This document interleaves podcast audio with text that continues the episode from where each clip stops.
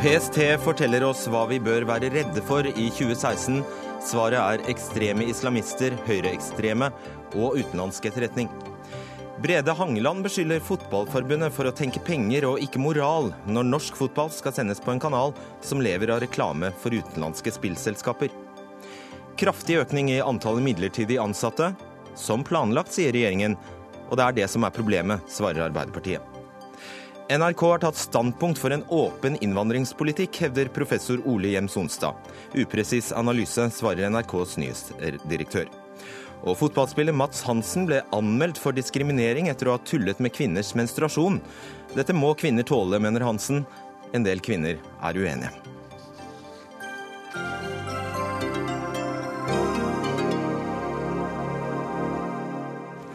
Og da ønsker vi god kveld og velkommen til Dagsnytt 18 i studio, Fredrik Solvang. Ja, I dag la PST fram sin årlige trusselvurdering. Og av dem, den framgikk det bl.a. at trusselen fra ekstreme islamister i Norge oppfattes å være noe redusert. Marie Benedikte Bjørnland, du er sjef for PST. Hva er det som taler for at trusselen fra ekstreme islamister ikke er fullt så overhengende som den var for ett år siden? Starte med å understreke at eh, all etterretning og alle etterretningsvurderinger er beheftet med usikkerhet. Eh, så også denne. Men når vi beskriver en forsiktig reduksjon i trusselbildet fra ekstrem islamisme, så har det sammenheng med eh, sprekker i det ekstreme islamistiske miljøet her hjemme. Det er en reduksjon i miljøet. Det har, kommer som følge av at flere fra miljøet har dødd på bakken i Syria og Irak. Og det er også en del sentrale deltakere i miljøet som sitter varetektsfengslet eller er dømt, og sitter og soner dom. Så enkelt? Ja, det er en av grunnene. Og så er det også en faktor at Norge nok ikke er så sentral i fiendebildet til ISIL og Al Qaida som andre europeiske land. Nettopp. Så peker dere vel å merke på at flyktningstrømmen gjør trusselbildet mer uoversiktlig. Hvordan da?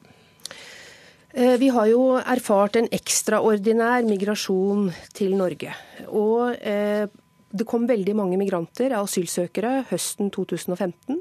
Svært mange av de er bare overfladig registrert. De sitter i asylmottak uten at man har gjennomført ordentlig registrering og asylintervjuer av disse.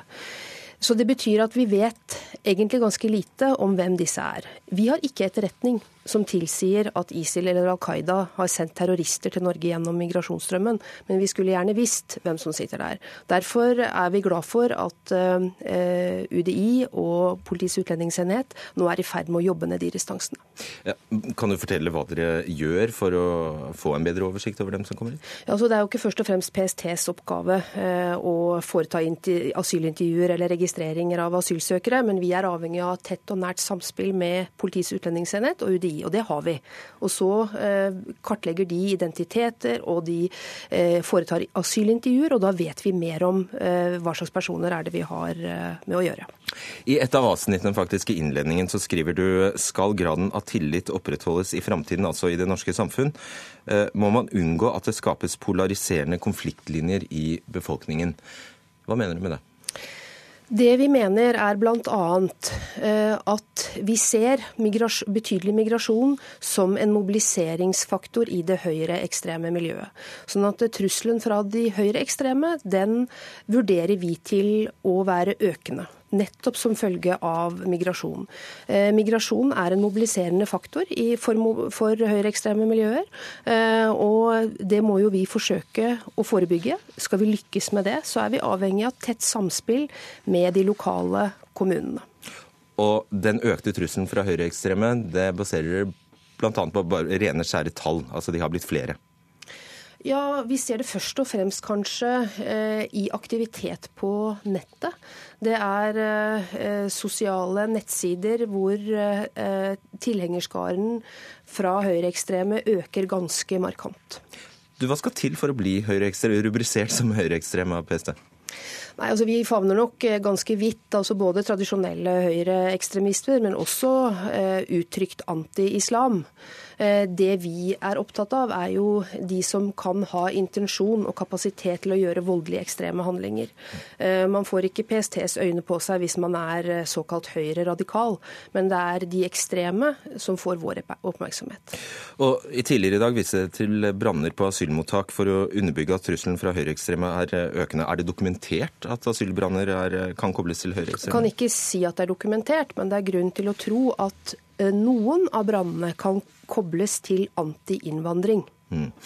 Så eh, til slutt eh, to ord om, eh, om, utenlandsk etterretning, for det blir også viet ganske stor oppmerksomhet. Hva er det vi skal være på vakt for der? Nei, vi beskriver den alvorligste trusselen mot det norske samfunnet til å være ulovlig etterretningsvirksomhet fra fremmede makter. Og den, det landet vi peker på som den tydeligste aktøren, er Russland. Vi har ikke noe sikkerhetspolitisk samarbeid med Russland. De er en stor og mektig nabo som har vist vilje til å bruke makt mot et mindre naboland, sånn som f.eks. Ukraina og Krim. Eh, og vi ser at de etterretter i Norge mot vårt forsvar, mot vårt, våre forsvarsinstallasjoner, eh, mot kapasitet og mot ansatte i Forsvaret. De etterretter også mot eh, justis- og beredskapssektoren. Og det er det absolutt grunn til å følge nøye med på og ta på alvor. Og så skal du bli sittende uh, mens vi får ekspertene våre inn her. Men jeg, jeg klarer ikke å dy meg. Når, etter å ha lest et siste spørsmål til deg i denne omgangen. Etter å ha lest denne trusselvurderingen, så slår det meg at alt her er nokså forutsigbart. Det er nokså sånn som det var. Det er ikke store endringer, og det er ingen store bomber. Enten så holder du noe tilbake, eller så lever vi i et ganske fredelig land. Ja, vi lever i et fredelig land. Men vi er samtidig, når vi beskriver trusselbildet, så beskriver vi usikkerheter. Og vi er ganske tydelige på at vi har etterretningsskap. Det er mye vi eh, antagelig ikke vet. Vi har ikke noe vegg-til-vegg sikkerhets- og etterretningstjeneste. Okay. Da skal vi dykke litt ned i dette her med høyreekstreme miljøer, som da dere i PST sier trolig vil vokse og bli mer aktive i 2016. Eh, og her, eh, Tore Bjørge, du er leder for Senter for eh, ekstremismeforskning ved Universitetet i Oslo. Beskriver PST-sjefen flyktningstrømmen som en drivkraft for høyreekstrem aktivitet. Deler du det mm, trusselbildet? Ja, Det er ingen tvil om at det er en mobiliserende faktor. Det at det kommet en såpass stor bølge med mange på en gang som kommer fra, den, den, fra Midtøsten. Eh, og så har dette samtidig også kommet, samtidig, kommet eh, når det har vært eh, alvorlige terrorangrep i Europa begått av militante islamistgrupper som ISIL. Disse to, disse to, faktorene sammen har nok bidratt til at det er blitt en mobilisering på det jeg si, anti-islam og anti-innvandrerfeltet.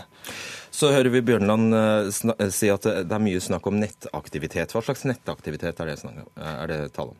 Ja, Det aller meste av dette er jo helt lovlige meningsytringer. Eh, det er helt klart lov å være eh, kritisk til at man skal ta imot mange flyktninger og asylsøkere. Eh, men i disse sosiale foraene på nettet så blir det også ytra veldig kraftige trusler og, og hatytringer. Trakassering av navngitte personer eller av grupper. Og, noe av dette går langt over streken på det som er lov. Det blir også fremma oppfordringer til å brenne asylmottak, til å, å skyte folk, den type ting. Eh, så det er én side ved det. Og det, disse eh, nettforaene har vokst betydelig siste året. Altså Aktiviteten der har mangedobla seg. Eh, I tillegg så ser vi også at det er tendenser til at dette gir seg utslag i aktiviteter også i det fysiske rom. Eh, vi har sett nå de siste ukene eh, tendenser til å ville starte borgerverngrupper rundt om i landet. Eh, ofte som en respons på opplevd utrygghet. Dels pga. ting som skjer langt borte, som disse forferdelige hendelsene som skjedde i Køllen i nyttårshelga, som, som, skaper frykt også her hjemme. Og det, disse gruppene pisker opp denne frykten og, og, og på en måte vil surfe på den. Og en måte de vil markere seg på, er ved å etablere slike borgerverngrupper, som da visstnok skal skape trygghet ute på gatene. Mm. Vi har også med oss deg, Elisabeth Ivartsflaten. Du er førsteamanuensis ved Universitetet i Bergen. En opererer jo gjerne da med fellesbetegnelsen høyreekstreme om disse gruppene det her er snakk om. Men det kan jo også være snakk om nokså forskjellige miljøer. Er det, er det en fellesnevner som gir dekning for å plassere dem alle ytterst til høyre på den politiske aksen? Det vil jo være delte meninger om, og spesielt hvis du spør disse miljøene selv, så er de veldig opptatt av disse distinksjonene hvem som er nynazist og hvem som er anti-islamsk osv. Det handler jo om at de søker et annet for legitimitet for aktiviteten sin, og det å være høyreekstrem er jo da ofte befestet med å være illegitimt, eller i PST sitt søkelys. Eh, men jeg syns jo da at det har noe for seg å snakke om høyreekstreme bevegelser på den måten som jeg, har forstått at PST gjør. Eh, det har vært en utvikling. Sant? Det har vært en utvikling fra at vi snakket om nazister og nynazister som hadde jøder som sin primære som fiende, ytre fiendebilde. Eh, til at vi så hadde en periode der innvandring var i fokus, og innvandrere var den ytre fienden for de høyreekstreme. Det var sånn fra 80, på 80- og 90-tallet. Og nå har vi liksom siden 2001 da, sett at eh, fiendebildet til de høyreekstreme i Norge og andre steder i Vest-Europa i alle fall, har vært muslimer. Eh, så, så, det har vært en utvikling der. Mm. Og har man, du, du, har jo oversikt over gjerne det som skjer utenfor Norges landegrenser. Man, ser man eksempler på at disse fusjonerer, altså, disse, altså de typiske islamkritikerne og nynazistene? Nja, vi nei, vi ser mer, en, mer, at hele rommet politisk og energien i feltet blir tatt over av de antiislamske. Så fører det til en del splid og sånn personkonflikter og sånn. Så det er til dels litt ulike miljøer som mobiliserer rundt det. Men, men der, er det, der, er det, litt delt. Og, og det er det at de antiislamske miljøene er mye større enn det vi hadde eh, av nynazistiske miljøer eh, på 90-tallet. Nettopp. Bjørgu, er det i Norge noen regioner som peker seg ut? Ja, Det er iallfall noen områder hvor man har sett mer aktivitet. Eh, på Sør-Vestlandet bl.a. Og kanskje litt i Vestfold. Men det, dette er ofte knytta til enkeltpersoner som gjør mye av seg. Men også at det har vært mye aktivitet der over tid.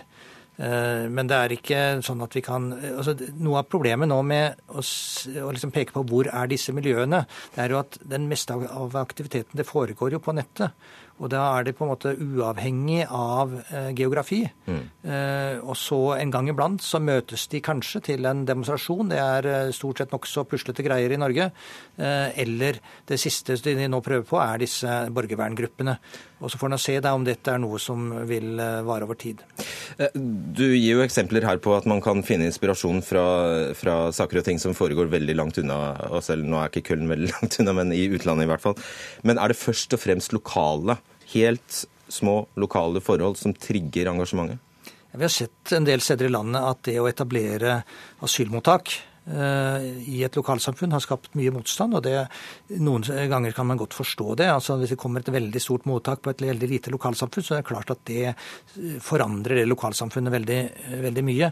Samtidig så vispes det også opp mye grums. og Vi har sett noe, jeg har fått telefoner i dag fra en kommune på Østlandet hvor de forteller om drapstrusler mot, mot enslige mindreårige asylsøkere og mot folk som framstår som flyktninger flyktningvenner.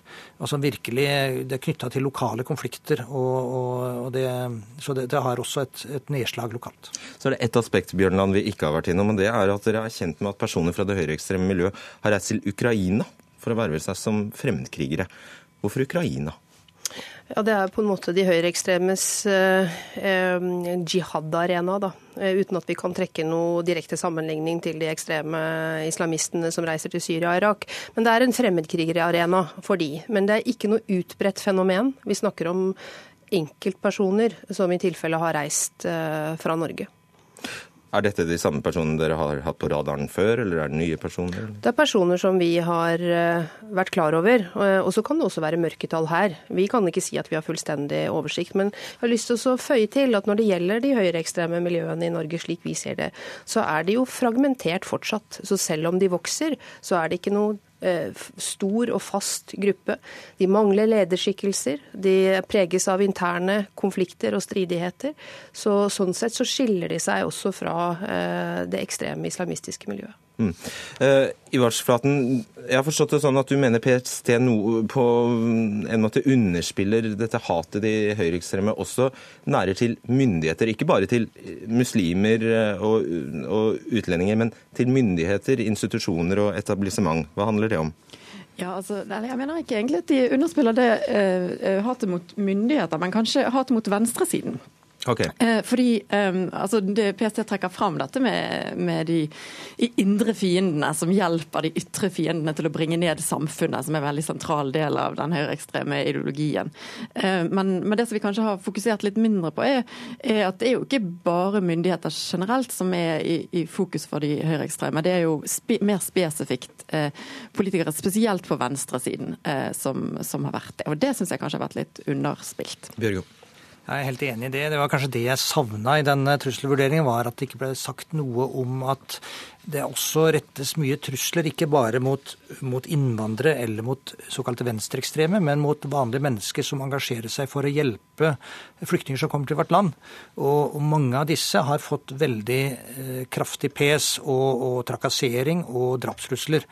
Og Det er kanskje noe av det jeg savner i denne trusselvurderingen. Glemte du det, Bjørnland? Og kunne kanskje beskrevet det òg, men, men, det vi ser som et fenomen, er at venstreekstreme eh, har høyreekstreme som en fiende.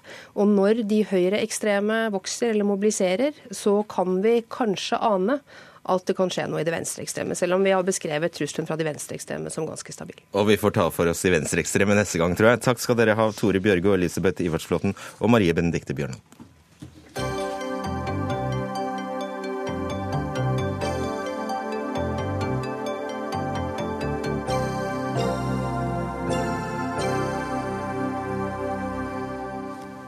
Tidligere landslagskaptein og nå Crystal Palace-spiller Brede Hangeland går hardt ut mot Norges Fotballforbund i en kronikk i Stavanger Aftenblad.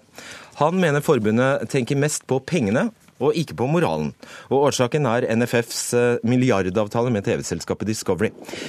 Brede Hangeland, du skal være med oss på eh, telefon nå. Hva er problemet med denne avtalen? Problemet med avtalen er at, eh, at Discovery sine kanaler de, de omgår regelverket i forhold til bettingreklame ved å sende fra, fra, andre land enn Norge, og sånn sett pumpe spillreklame i disse kanalene. Uh, og jeg synes at NFF gjennom den avtalen med Discovery er, på denne måten med å legitimere og, og bringe disse spillselskapene nærmere det norske markedet.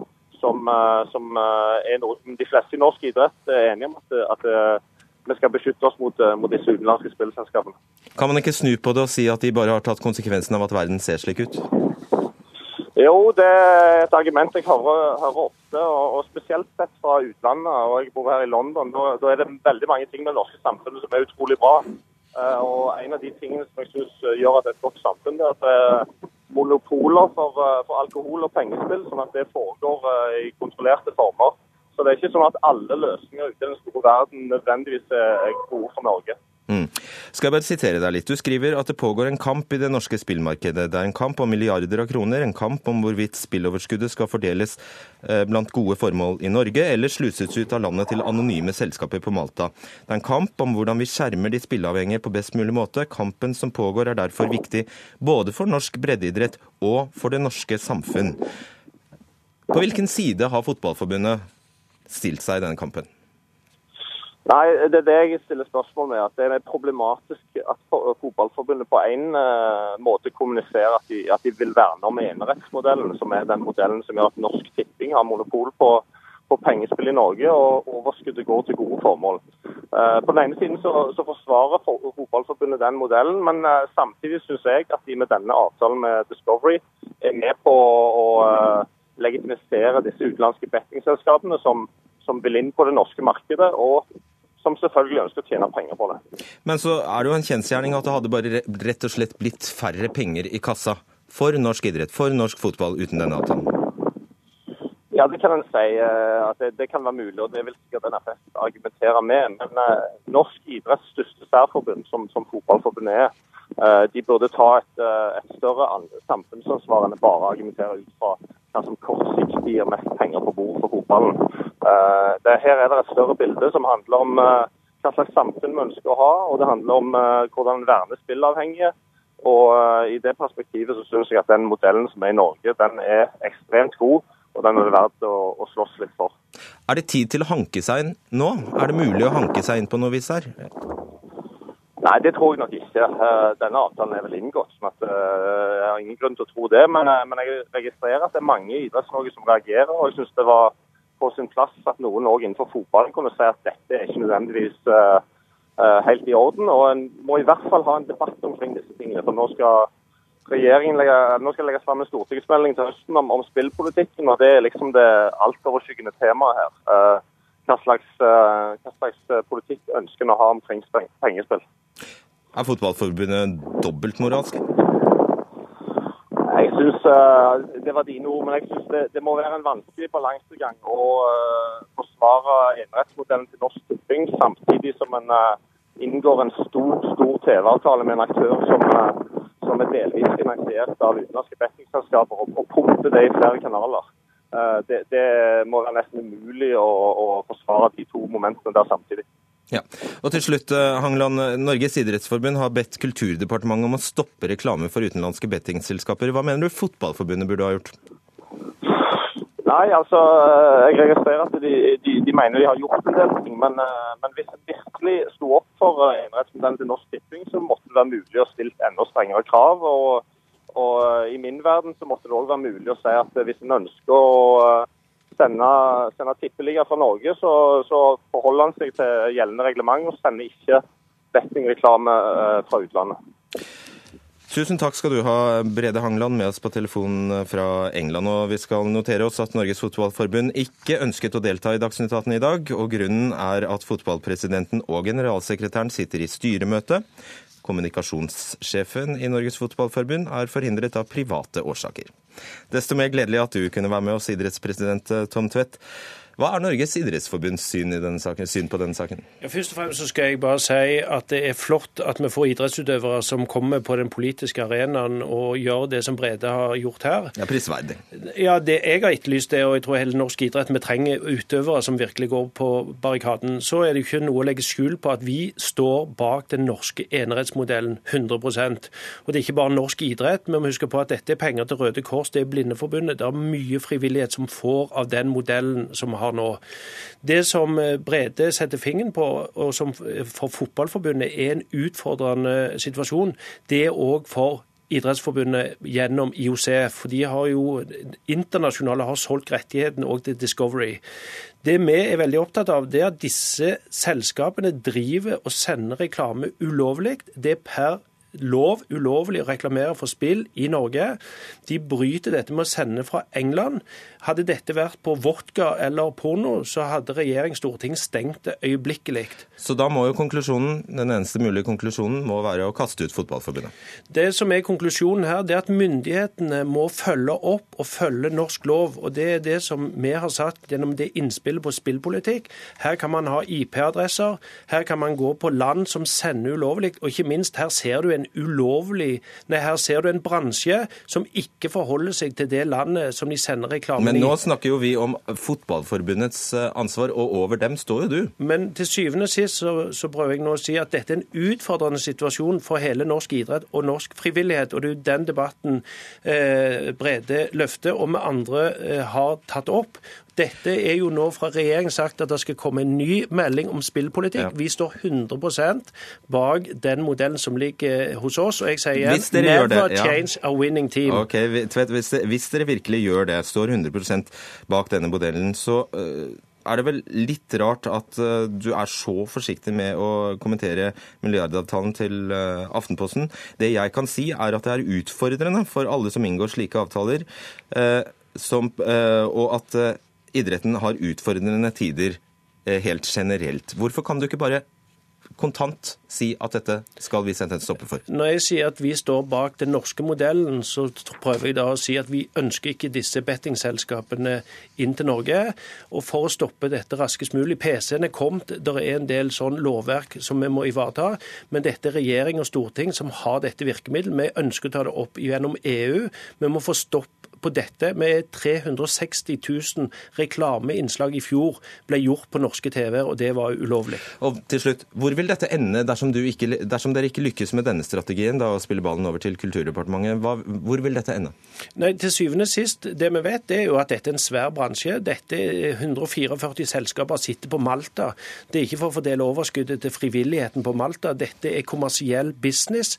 De gjør dette for å tjene penger. Vi kommer til å stå sammen med Fotballforbundet, Røde Kors, 100% bak den norske modellen. Det kommer vi til å slåss for når vi nå får den nye spillpolitikken. Sager Fotballforbundet av den greina de sitter på? Igjen, For norsk idrett så er det en krevende situasjon, og det må vi jobbe videre med. Men det er helt klart at her har myndighetene et stort ansvar for å sette foten ned. Det er de som sitter på lovverket og har muligheten for det. Tusen takk, Tom Tvedt.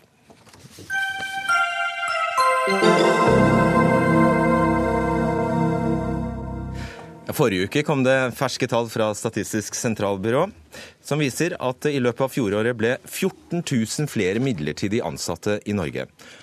Og det skjer samtidig som arbeidsledigheten fortsetter å øke. 200 000 nordmenn går nå på midlertidige arbeidskontrakter. Dag Terje Andersen, stortingsrepresentant og arbeidslivspolitisk talsmann for eh, talsperson for Arbeiderpartiet. Dette er jo helt som planlagt. Stortingsflertallet har vedtatt en ny lov. Fra 1.7 i fjor så ble adgangen til midlertidige ansettelser eh, utvidet, så nå virker politikken. Ja, Det er tydelig at politikken virker. Den virker på en måte som vi har advart imot. Eh, for det er en utvikling som vi ikke ønsker i samfunnet, i en situasjon der arbeidsledigheten eh, stiger. Der vi nå ser at arbeidsledigheten blant kvinner stiger. Heltidsstillinger går ned. Og totalt antall ansatte i Norge blir faktisk mindre. Mm. Eh, så ser vi altså at eh, antallet midlertidig øker. og Det er det vi har advart imot, for det at det fører til mer utrygghet på arbeidsmarkedet, fører til større forskjell på folk, og det er en belastning for ungdom som skal ut i arbeidslivet, men også for mange andre som i løpet av livet må bytte jobb. Arve Kambe, stortingsrepresentant for Høyre. Er dette regjeringspolitikk som funker? For oss er det viktig å sikre folk arbeidsplasser. er dette regjeringens politikk som fungerer? Ja, jeg vil si at eh, regjeringens politikk skal fungere på dette. Det er derfor vi har vedtatt en ny arbeidsmiljølov. Fordi at Utgangspunktet var at eh, på den tiden, når vi vedtok og foreslo arbeidsmiljøloven, så var det et helt annet arbeidsmarked. Da var begrunnelsen å få hjelpe de som ikke kom inn på arbeidsmarkedet. Nå har arbeidsmarkedet snudd opp ned, og jeg er sjeleglad for at vi gjorde den endringen. Mm. For jeg er ganske sikker på at hadde ikke bedriften i dag hatt den adgangen til å ha en generell adgang til midlertidige ansettelser, så ville flere brukt overtid på eksisterende ansatte, og vi hadde fått flere arbeidsledige. Så jeg tror at timingen på denne har vært veldig god.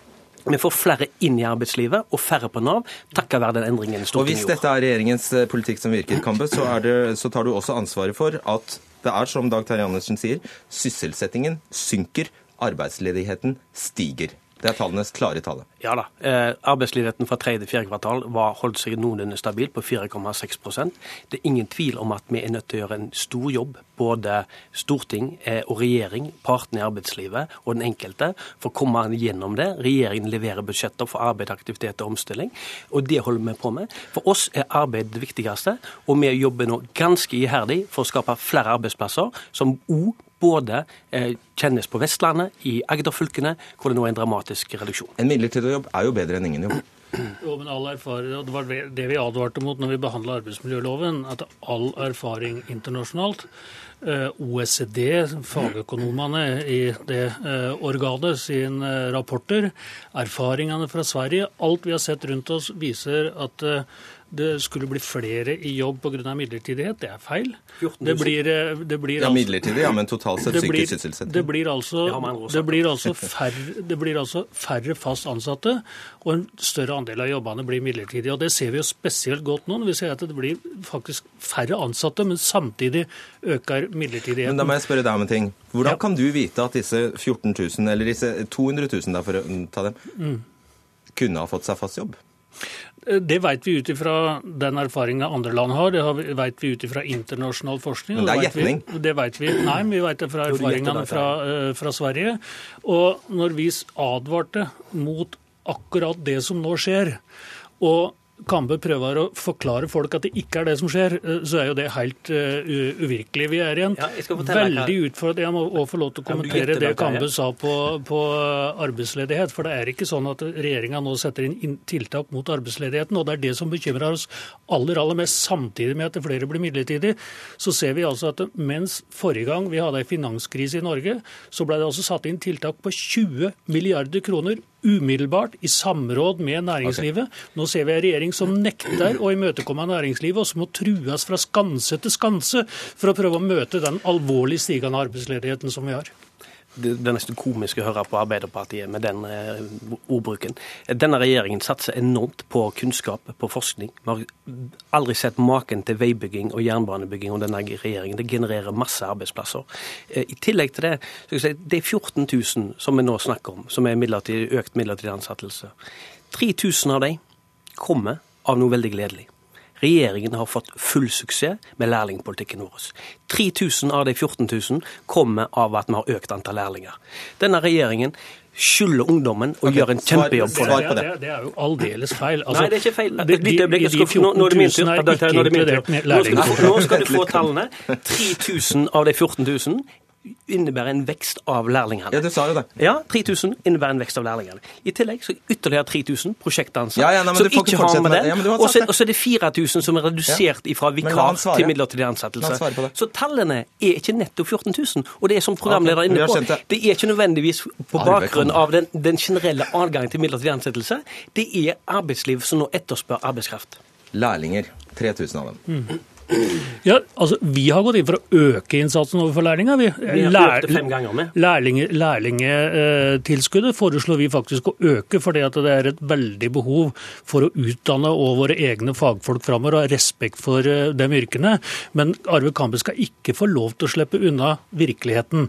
For det vi nå får rapport om rundt omkring i byggebransje, i, alle i andre industrier rundt omkring, er at det, der det tidligere ble fast ansatt folk, så oppretter, altså, opprettes det nå midlertidige stillinger eh, uten at det er midlertidige jobber, men altså rent generelt midlertidige stillinger på bakgrunn av regjeringas åpning for det. Og Når vi nå ser at tallene går i den retningen, så er det nesten overraskende å høre at Kambe først så innrømte han at det var et resultat av eh, regjeringas eh, politikk, og da sier jeg ja, det er det, men det er ikke en villa politikk for oss. Vi vil tilby ungdom og vi vil tilby voksne faste, gode jobber som gir grunnlag for å etablere seg, for å skaffe seg lån, få Og Kambe, dere sukret jo denne pillen med at det, Og teorien er at de midlertidige etter hvert skal kunne gå over til eh, faste jobber. Men der gjetter du like mye som eventuelt Andersen måtte gjette. Nei, I no- norske statistikk så vet vi at én av fire har fast jobb etter tre måneder som midlertidig ansatt. Eh, halvparten etter et år. Så Det er den norske statistikken som vi fokuserer på.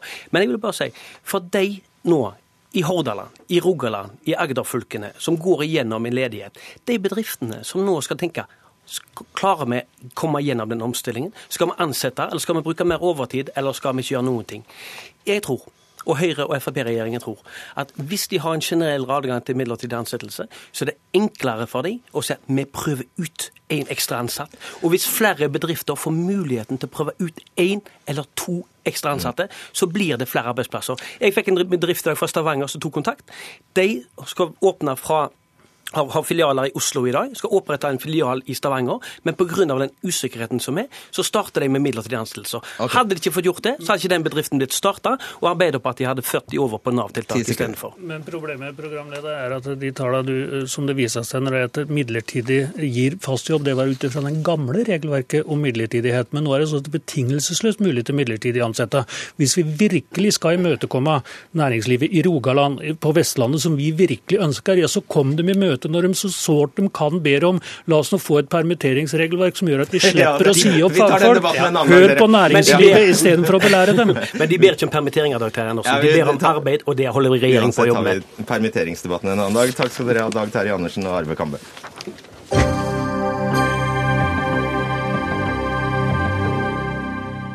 Regjeringen vil stille nasjonale norskkrav til barnehageansatte. Aftenposten skriver i dag at en fersk rapport viser at det er store forskjeller i landet når det kommer til barnehageansattes språkkunnskaper.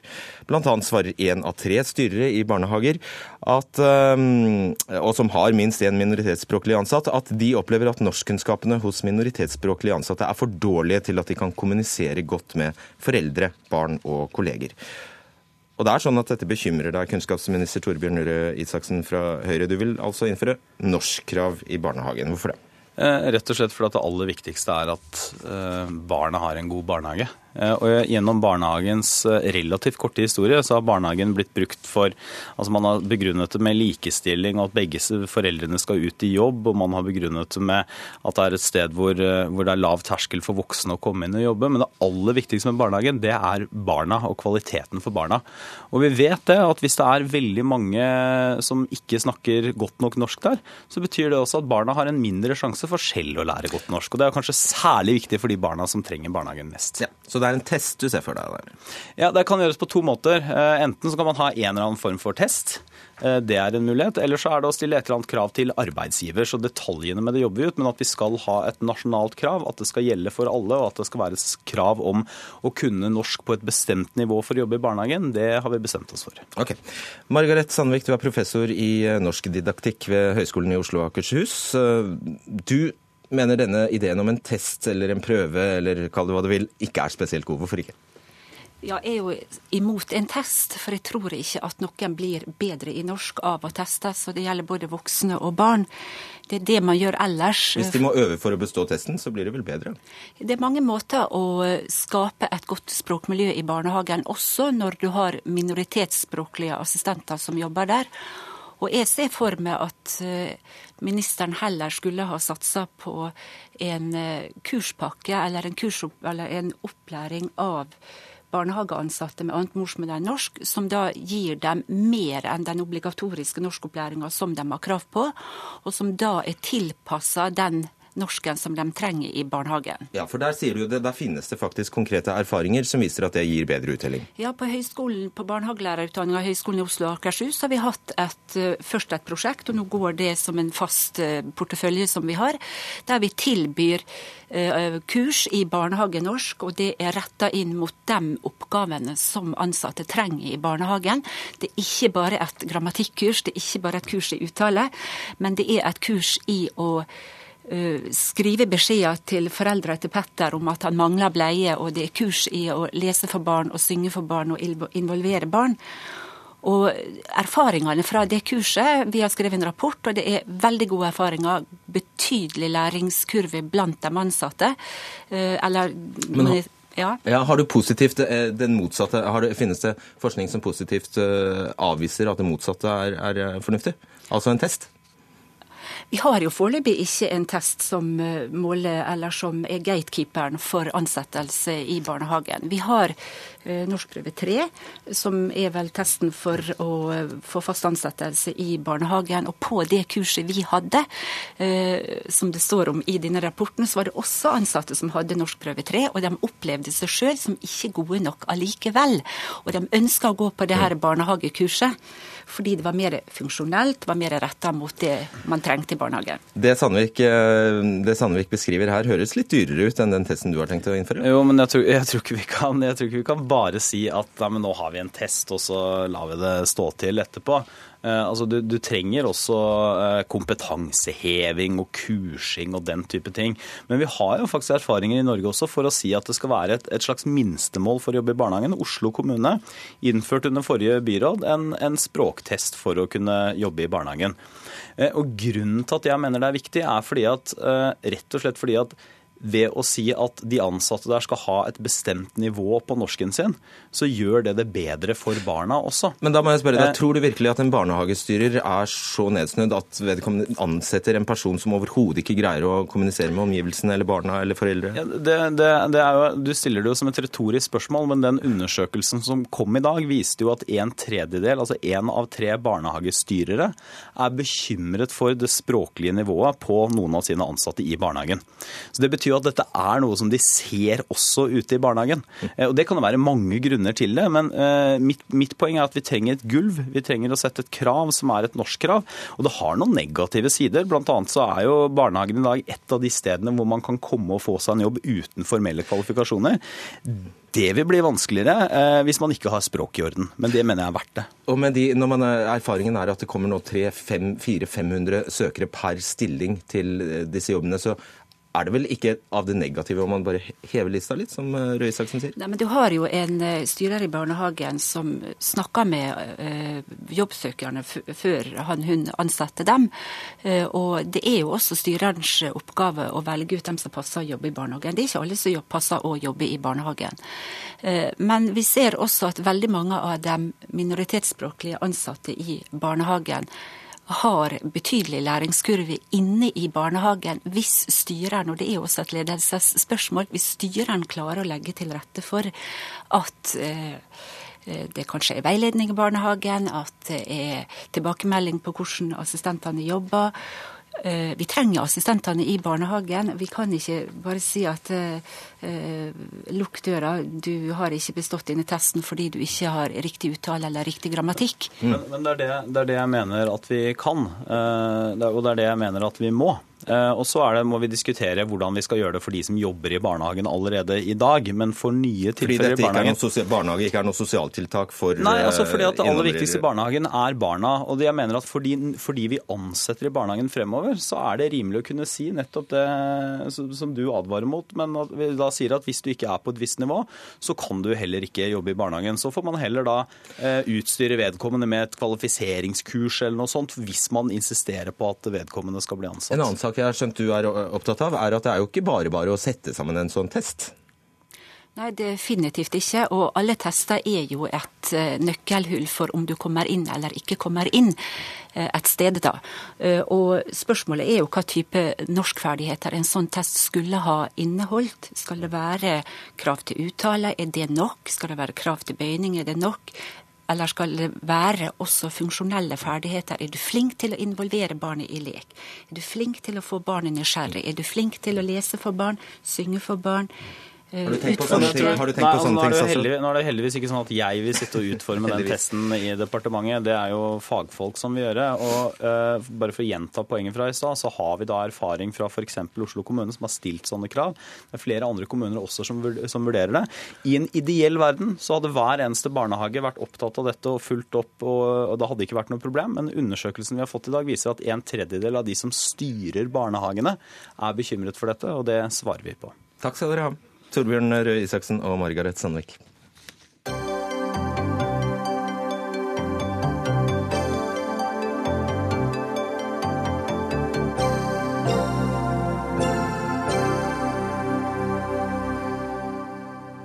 Gjennom lang tid har Dagsrevyen her i NRK inntatt et åpenbart standpunkt for en åpen innvandringspolitikk. Særlig én side kommer til uttrykk, nemlig den som er imot innstramminger. Og generelt møter de som er for en åpen innvandringspolitikk, sjelden kritiske spørsmål fra intervjueren. Det skriver du i Dagens Næringsliv, Ole Hjem Sonstad, professor ved BI. Nå må du fortelle oss på, eh, på hvilken måte er det NRK avslører seg og, eh, og eh, viser at vi har inntatt en, et åpenbart standpunkt? Ja, Det er jo spennende og utfordrende å være invitert til å diskutere dette i et NRK-studio med en programleder fra NRKs nyhetsavdeling, med NRKs nyhetsdirektør. Og eh, det som eh, altså er mitt synspunkt, av det overordnede er at denne innvandrerdebatten er forferdelig vanskelig. Og vi ser i andre land at du får en polarisering som vi ikke ønsker i Norge. Du får f.eks. i Tyskland så har du fått en vekst på høyreekstreme krefter. Og de betegner jo Merkel mer måte, uttrykk som er altså egentlig veldig fremmede. ikke sant? Hun fortjener en galge og sånt. Mm. Og I Norge syns jeg du ser, og det syns jeg NRK bidrar til, at vi får noe av den samme polariseringen. Og kanskje mest tydelig så ser du dette i måten f.eks. Listhaug behandles på. Og jeg syns uansett man måtte mene om hennes politikk, så syns jeg at det er, altså, det er for meg vanskelig å se at det ikke er tvil om at uh, man i NRKs nyhetssendinger, som i mange andre organer i Norge, men NRK har et særlig ansvar, jo litt demoniserer denne statsråden. Og så vet jeg at du er særlig opptatt av Dagsrevyen, og at eh, det da er det vi på fagspråk kaller caser som opptar deg. Eh, hva, hva handler det om? Nei, altså jeg synes eh, Det du ser her sånn, er jo det at hvis du går inn og ser på antall innslag, så syns jeg det er mange flere innslag som er emosjonelle, argumenterende i favør av det som er en liberal innvandringspolitikk. Jeg syns særlig begynte rundt dette med asylbarna, som var et veldig sånn emosjonelt inngangspunkt. Så syns jeg du ser at eh, når du ser på de som står for en mer sånn liberal innvandringspolitikk, så er det mindre kontrapunktfunksjon fra journalisten. Altså det er mindre negative spørsmål fra journalisten. Det er mer sånn mikrofonholderstativjournalistikk. Og så eh, syns jeg i tillegg at du har altså dette emosjonelle innslagspunktet, som jo er veldig vanskelig å argumentere mot, fordi at det blir slik at de som er eh, for, de er da som sånn gode. Og de som er mot, er slemme. At vi filmer store, mørke barneøyne som Ja, f.eks. Og så har du dette sant, som er ett synspunkt som er mye fremme i tysk debatt, har jeg inntrykk av at uh, hvis du fokuserer på at her kommer det innvandrerfamilier, så er det klart at det vekker jo sympati. For ikke sant, Alle syns det er vondt å se barn det, altså være kalde og lide. Men samtidig er jo to tredjedeler av de som kommer, de er jo menn i alderen 20 40 år. Mm. Slik at der får du et også informasjonsproblem. Alexandra Beverfjord, nyhetsredaktør her i NRK. Et av eksemplene Jens Sonstad skriver om, er en eh, demonstrasjon ved Storskog. Eh, der et titalls personer eh, hadde møtt opp for å demonstrere mot tilbakesending. Hvorfor er det nødvendig å vie en så bitte liten demonstrasjon flere minutter i beste sendetid? Nei, bare for å si det. Vi dekker jo begge sidene. Og vi hadde jo også på søndag i Dagsrevyen et innslag som viste en demonstrasjon for Sylvi Listhaug, hvor det var 140 stykker som hadde møtt opp utenfor Stortinget. Eh, og der var det jo tre av de demonstrantene som fikk lov til å uttrykke sin eh, sterke sympati for, eh, for Listhaug igjen. Så vi jobber jo for å dekke dette fra, fra begge sidene. Det er klart at vi setter pris på tilbakemeldinger som kommer fra våre brukere. og, og men, men, vi kjenner oss nok ikke helt igjen i den beskrivelsen som, eh, som eh, Jemsonstad kommer med her. Er det noe du kjenner deg igjen i? Altså, eh, Innlegget det er også basert på litt sånn tilfeldige innslag som han har sett. Det er jo ikke noe systematisk analyse av hvordan vi dekker denne konflikten, men vi er jo opptatt av å dekke den bredt og gi det hele bildet. Og Vi var jo også i NRK veldig tidlig ut med å dra til Sverige og se hvordan de hadde jobba med integreringsarbeidet der, med å begynne å etterprøve de tallene som kom. Vi begynte å gå inn i SSB sitt tallmateriale for å se på hva kommer egentlig denne flyktningstrømmen til å koste norske kommuner. Vi ettergikk hva slags utdanning utdanningsnivå er det egentlig de har? Det var mange som hadde antakelser om det. Så at vi har jo drevet en veldig bred eh, dekning, hvor vi har, eh, har, eh, vært med på begge sidene.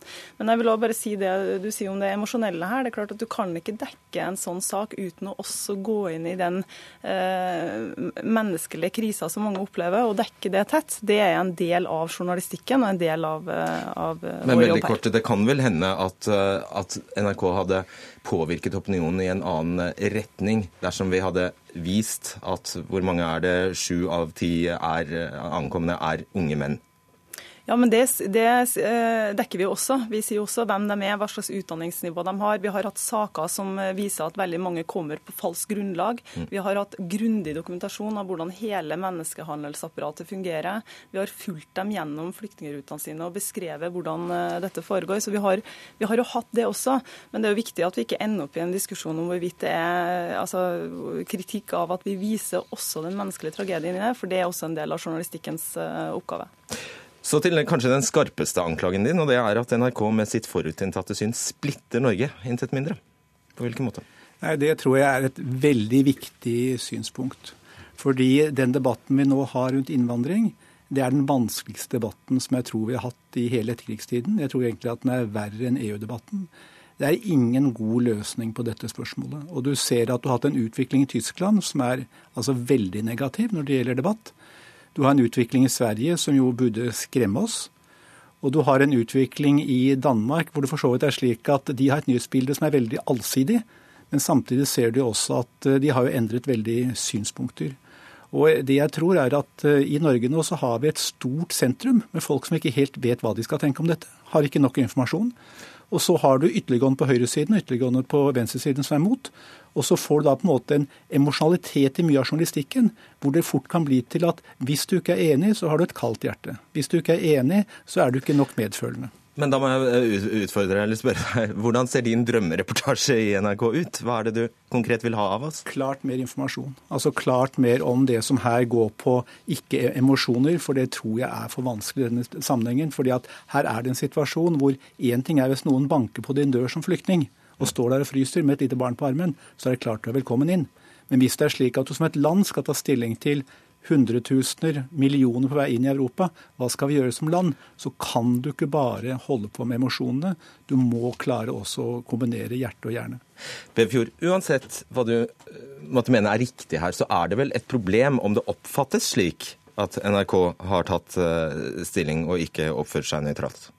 Altså, NRK får jo kritikk fra begge hold for sin dekning av denne asylsaken. Eh, det er sterke oppfatninger av vår dekning eh, fra flere leirer. Eh, men det er klart at hvis NRK hadde hatt noe veldig klar politisk slagside i den dekninga i nyhetsjournalistikken vår, så hadde vi heller ikke hatt den oppslutninga vi har ute hos publikum. Altså det er, vi driver eh, en... mange, mange, steder TV-en og radioen våre står og surrer, surrer og går på NRK, da. Vår ambisjon er å være en fellesarena for det norske folk, og vi er opptatt av å dekke dette på en eh, god og grundig og bred måte. Men det, det handler både om å, Det er følelser på begge sider, vi skal dekke det. Men vi har jo virkelig tatt alvorlig den jobben, og det er å gå inn, sjekke fakta, komme med tall, komme med nye, nye opplysninger inn i dekninga. Så det har vi jobba mye med. Og til slutt, Jens Nostad, du mener, mener det er en forskjell mellom NRK og TV 2 her? Ja, På én måte så kan du si at jeg er redd for at NRK gjør det, at de kan oppfattes å ha tatt et visst emosjonelt standpunkt. Og Det tror jeg er veldig farlig, nettopp fordi NRK har så stort gjennomslag. Mens TV 2 har inntrykk av de driver en journalistikk som mer er slik at det det dreier seg om, er i grunnen å få mange seere og mange lyttere. Slik at de har en tendens til å rive, rive ren dramatisering. Det kan gå litt i samme retningen. Men jeg tror ikke det ligger som et standpunkt i det som ganske enkelt altså bare et ønske som er litt holdningsløst om å dekke dramatikken der den er. Og det tror jeg også er veldig farlig her, fordi at denne situasjonen er mer enn dramatisk nok. Og det vi trenger er som sagt, det er ikke så mye mer emosjoner, for det er det nok av. Det vi trenger er altså en sindig, rolig diskusjon der vi respekterer hverandre, og hvor ikke noen er slemme og noen er snille. Vil du svare ti sekunder på det? Vi, vi, jobber med dette hver dag i NRK Nyheter, og er opptatt av å få fram eh, begge sider når vi dekker saker som dette. og Det, det, er, det kommer vi til å fortsette med framover også. og, og sørge for både, den, både, å dekke den emosjonelle sida av det, altså hva dette betyr for de menneskene som kommer hit, men også eh, være saklig og, og komme med faktasaker samtidig. Så det er begge deler. Og det gir oss vel litt kred for at vi tok debatten om eh, debatten? Altså, jeg syns det er veldig morsomt at man vil diskutere dette, så jeg sier takk for å ha kommet her. Og det er som sagt en liten utfordring å komme med disse premissene, men likevel, mange takk. Det gikk vel bra? Ja, ja. ja takk skal dere ha, Ole Jens Sonstad og Alexandra Bevefjord.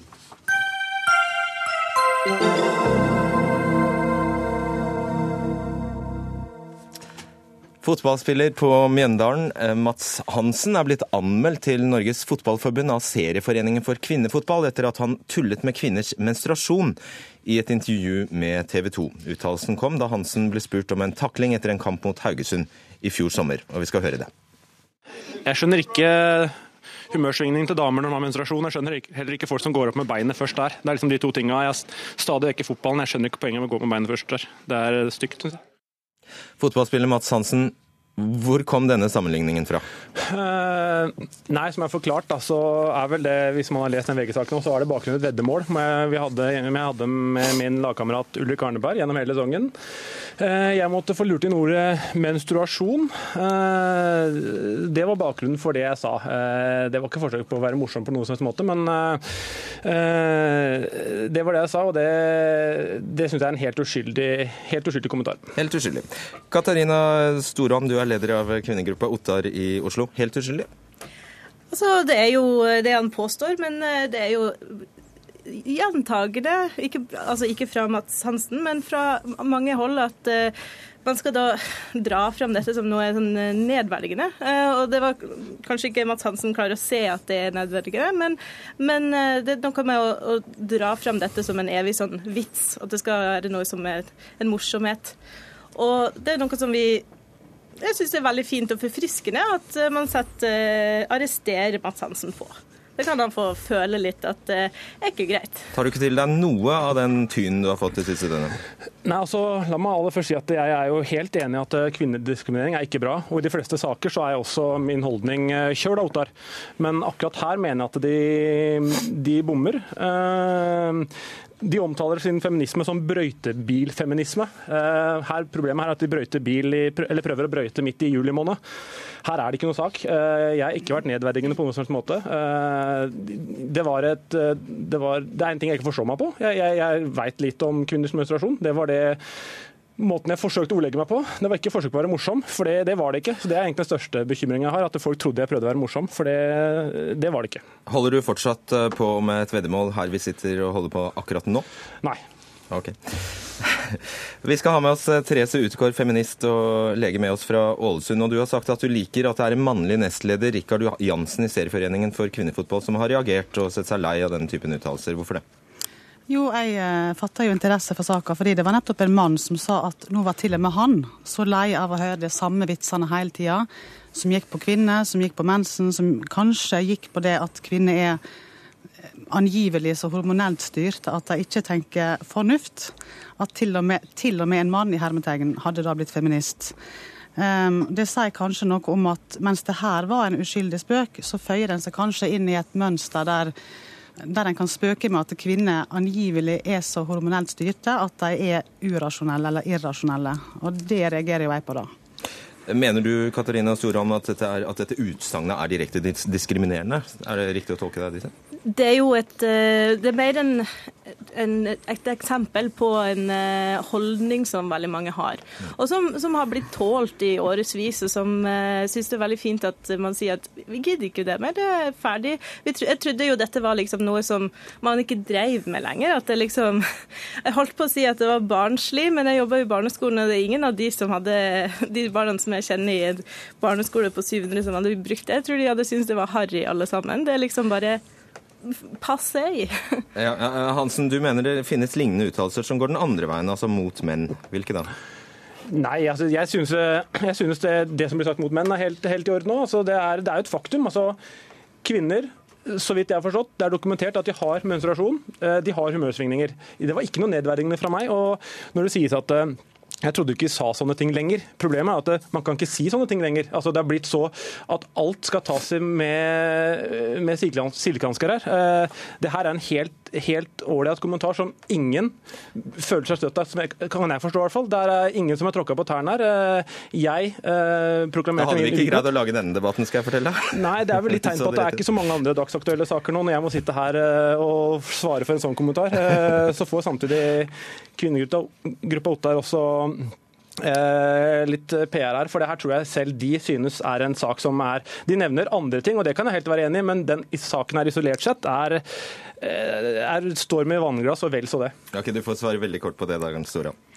Det er, du har uttalt det tåpelig, og da får du høre tilbake. Det er rett og slett ytringsfrihet begge veier. og Hvis du syns du kan komme med sånne uttalelser, så får du tåle at folk eh, syns det er tåpelig og barnslig. Medisiner utgår. Eh, for å sjekke, sjekke, fakta her, Mats Hansen sier jo da at det er veldokumentert at kvinner har humørsvingninger pga. menstruasjon. Er det fakta? Derfor vi reagerer på det såpass nå? Ja. Den tida av måneden akkurat nå? Nei. Ja. Det som er tingen er jo at, at mange kvinner plages jo med, med, litt plage og smerte og ubehag eh, i forbindelse med menstruasjon og eggløsning. Eh, noen plages mer enn andre, og det er veldig forskjellig. Men det er ikke slik at alle kvinner får automatisk humørsvingninger. Og det som jeg reagerte på her, var jo at humørsvingninger som da var uforståelige, var satt i sammenheng med en uforståelig, nærmest voldelig takling på fotballbanen. Begge deler er ikke like uforståelige. Altså, kvinners hormonsyklus kan en godt forstå om man studerer den, og voldelige handlinger på fotballbanen det kan en ikke forstå eller akseptere. Ser du det poenget? Nå, nå, føles det at det intervjuet mitt her det blir, det blir sett som fanden leser Bibelen. Eh, jeg har ikke sammenlignet. Jeg sier det, to, det jeg sa, det var to ting jeg ikke forstår. Eh, det er sikkert flere ting òg, men de to tingene jeg nevnte, det var folk som takler sånn. Og jeg forstår Jeg, jeg er sikkert den som vet minst omtrent av alle i landet om humørsvingninger og, den medisinen der. Jeg skal ikke gå inn på diskusjonen der, for der er en lege som jeg tror vet betydelig mer enn meg. Det, det var en uskyldig kommentar, og min største bekymring er at folk trodde jeg var, prøvde å være morsom, for det var jeg ikke. Det var et veddemål. Det er vel for så vidt greit nok det at du prøvde å være morsom, og vi tåler jo en spøk. Jeg prøvde ikke å være morsom. Ok, Men du ble vel ufrivillig morsom på en måte, da? I alle fall så er det slik at det er kanskje en vi arresterer deg på den feiloppfatningen du har av at alle kvinner går rundt og er, har automatisk humørsvingninger, og at det, vi er irrasjonelle. Det har aldri sagt. Ok, uh, Storan, du ser at eh, vi må kunne tulle litt. Det er jo veldig morsomt, dette. Dessverre veldig ufrivillig morsomt for uh, Mats Hansen. Det er jo litt uh, fint for han, tror jeg, at vi kan bare komme og gjøre det sånn at han slipper å gå ut i flause i gangen flere ganger på sånne ting som dette. Takk skal dere ha, Kjøla-Mats Hansen, Therese Utgård og Katarina Storan. Dere fikk avslutte denne Dagsnytt 18-sendingen, og blant dem som fikk denne sendingen på lufta, var Dag Dørum, Finn Lie og Fredrik Solvang. Takk for i kveld.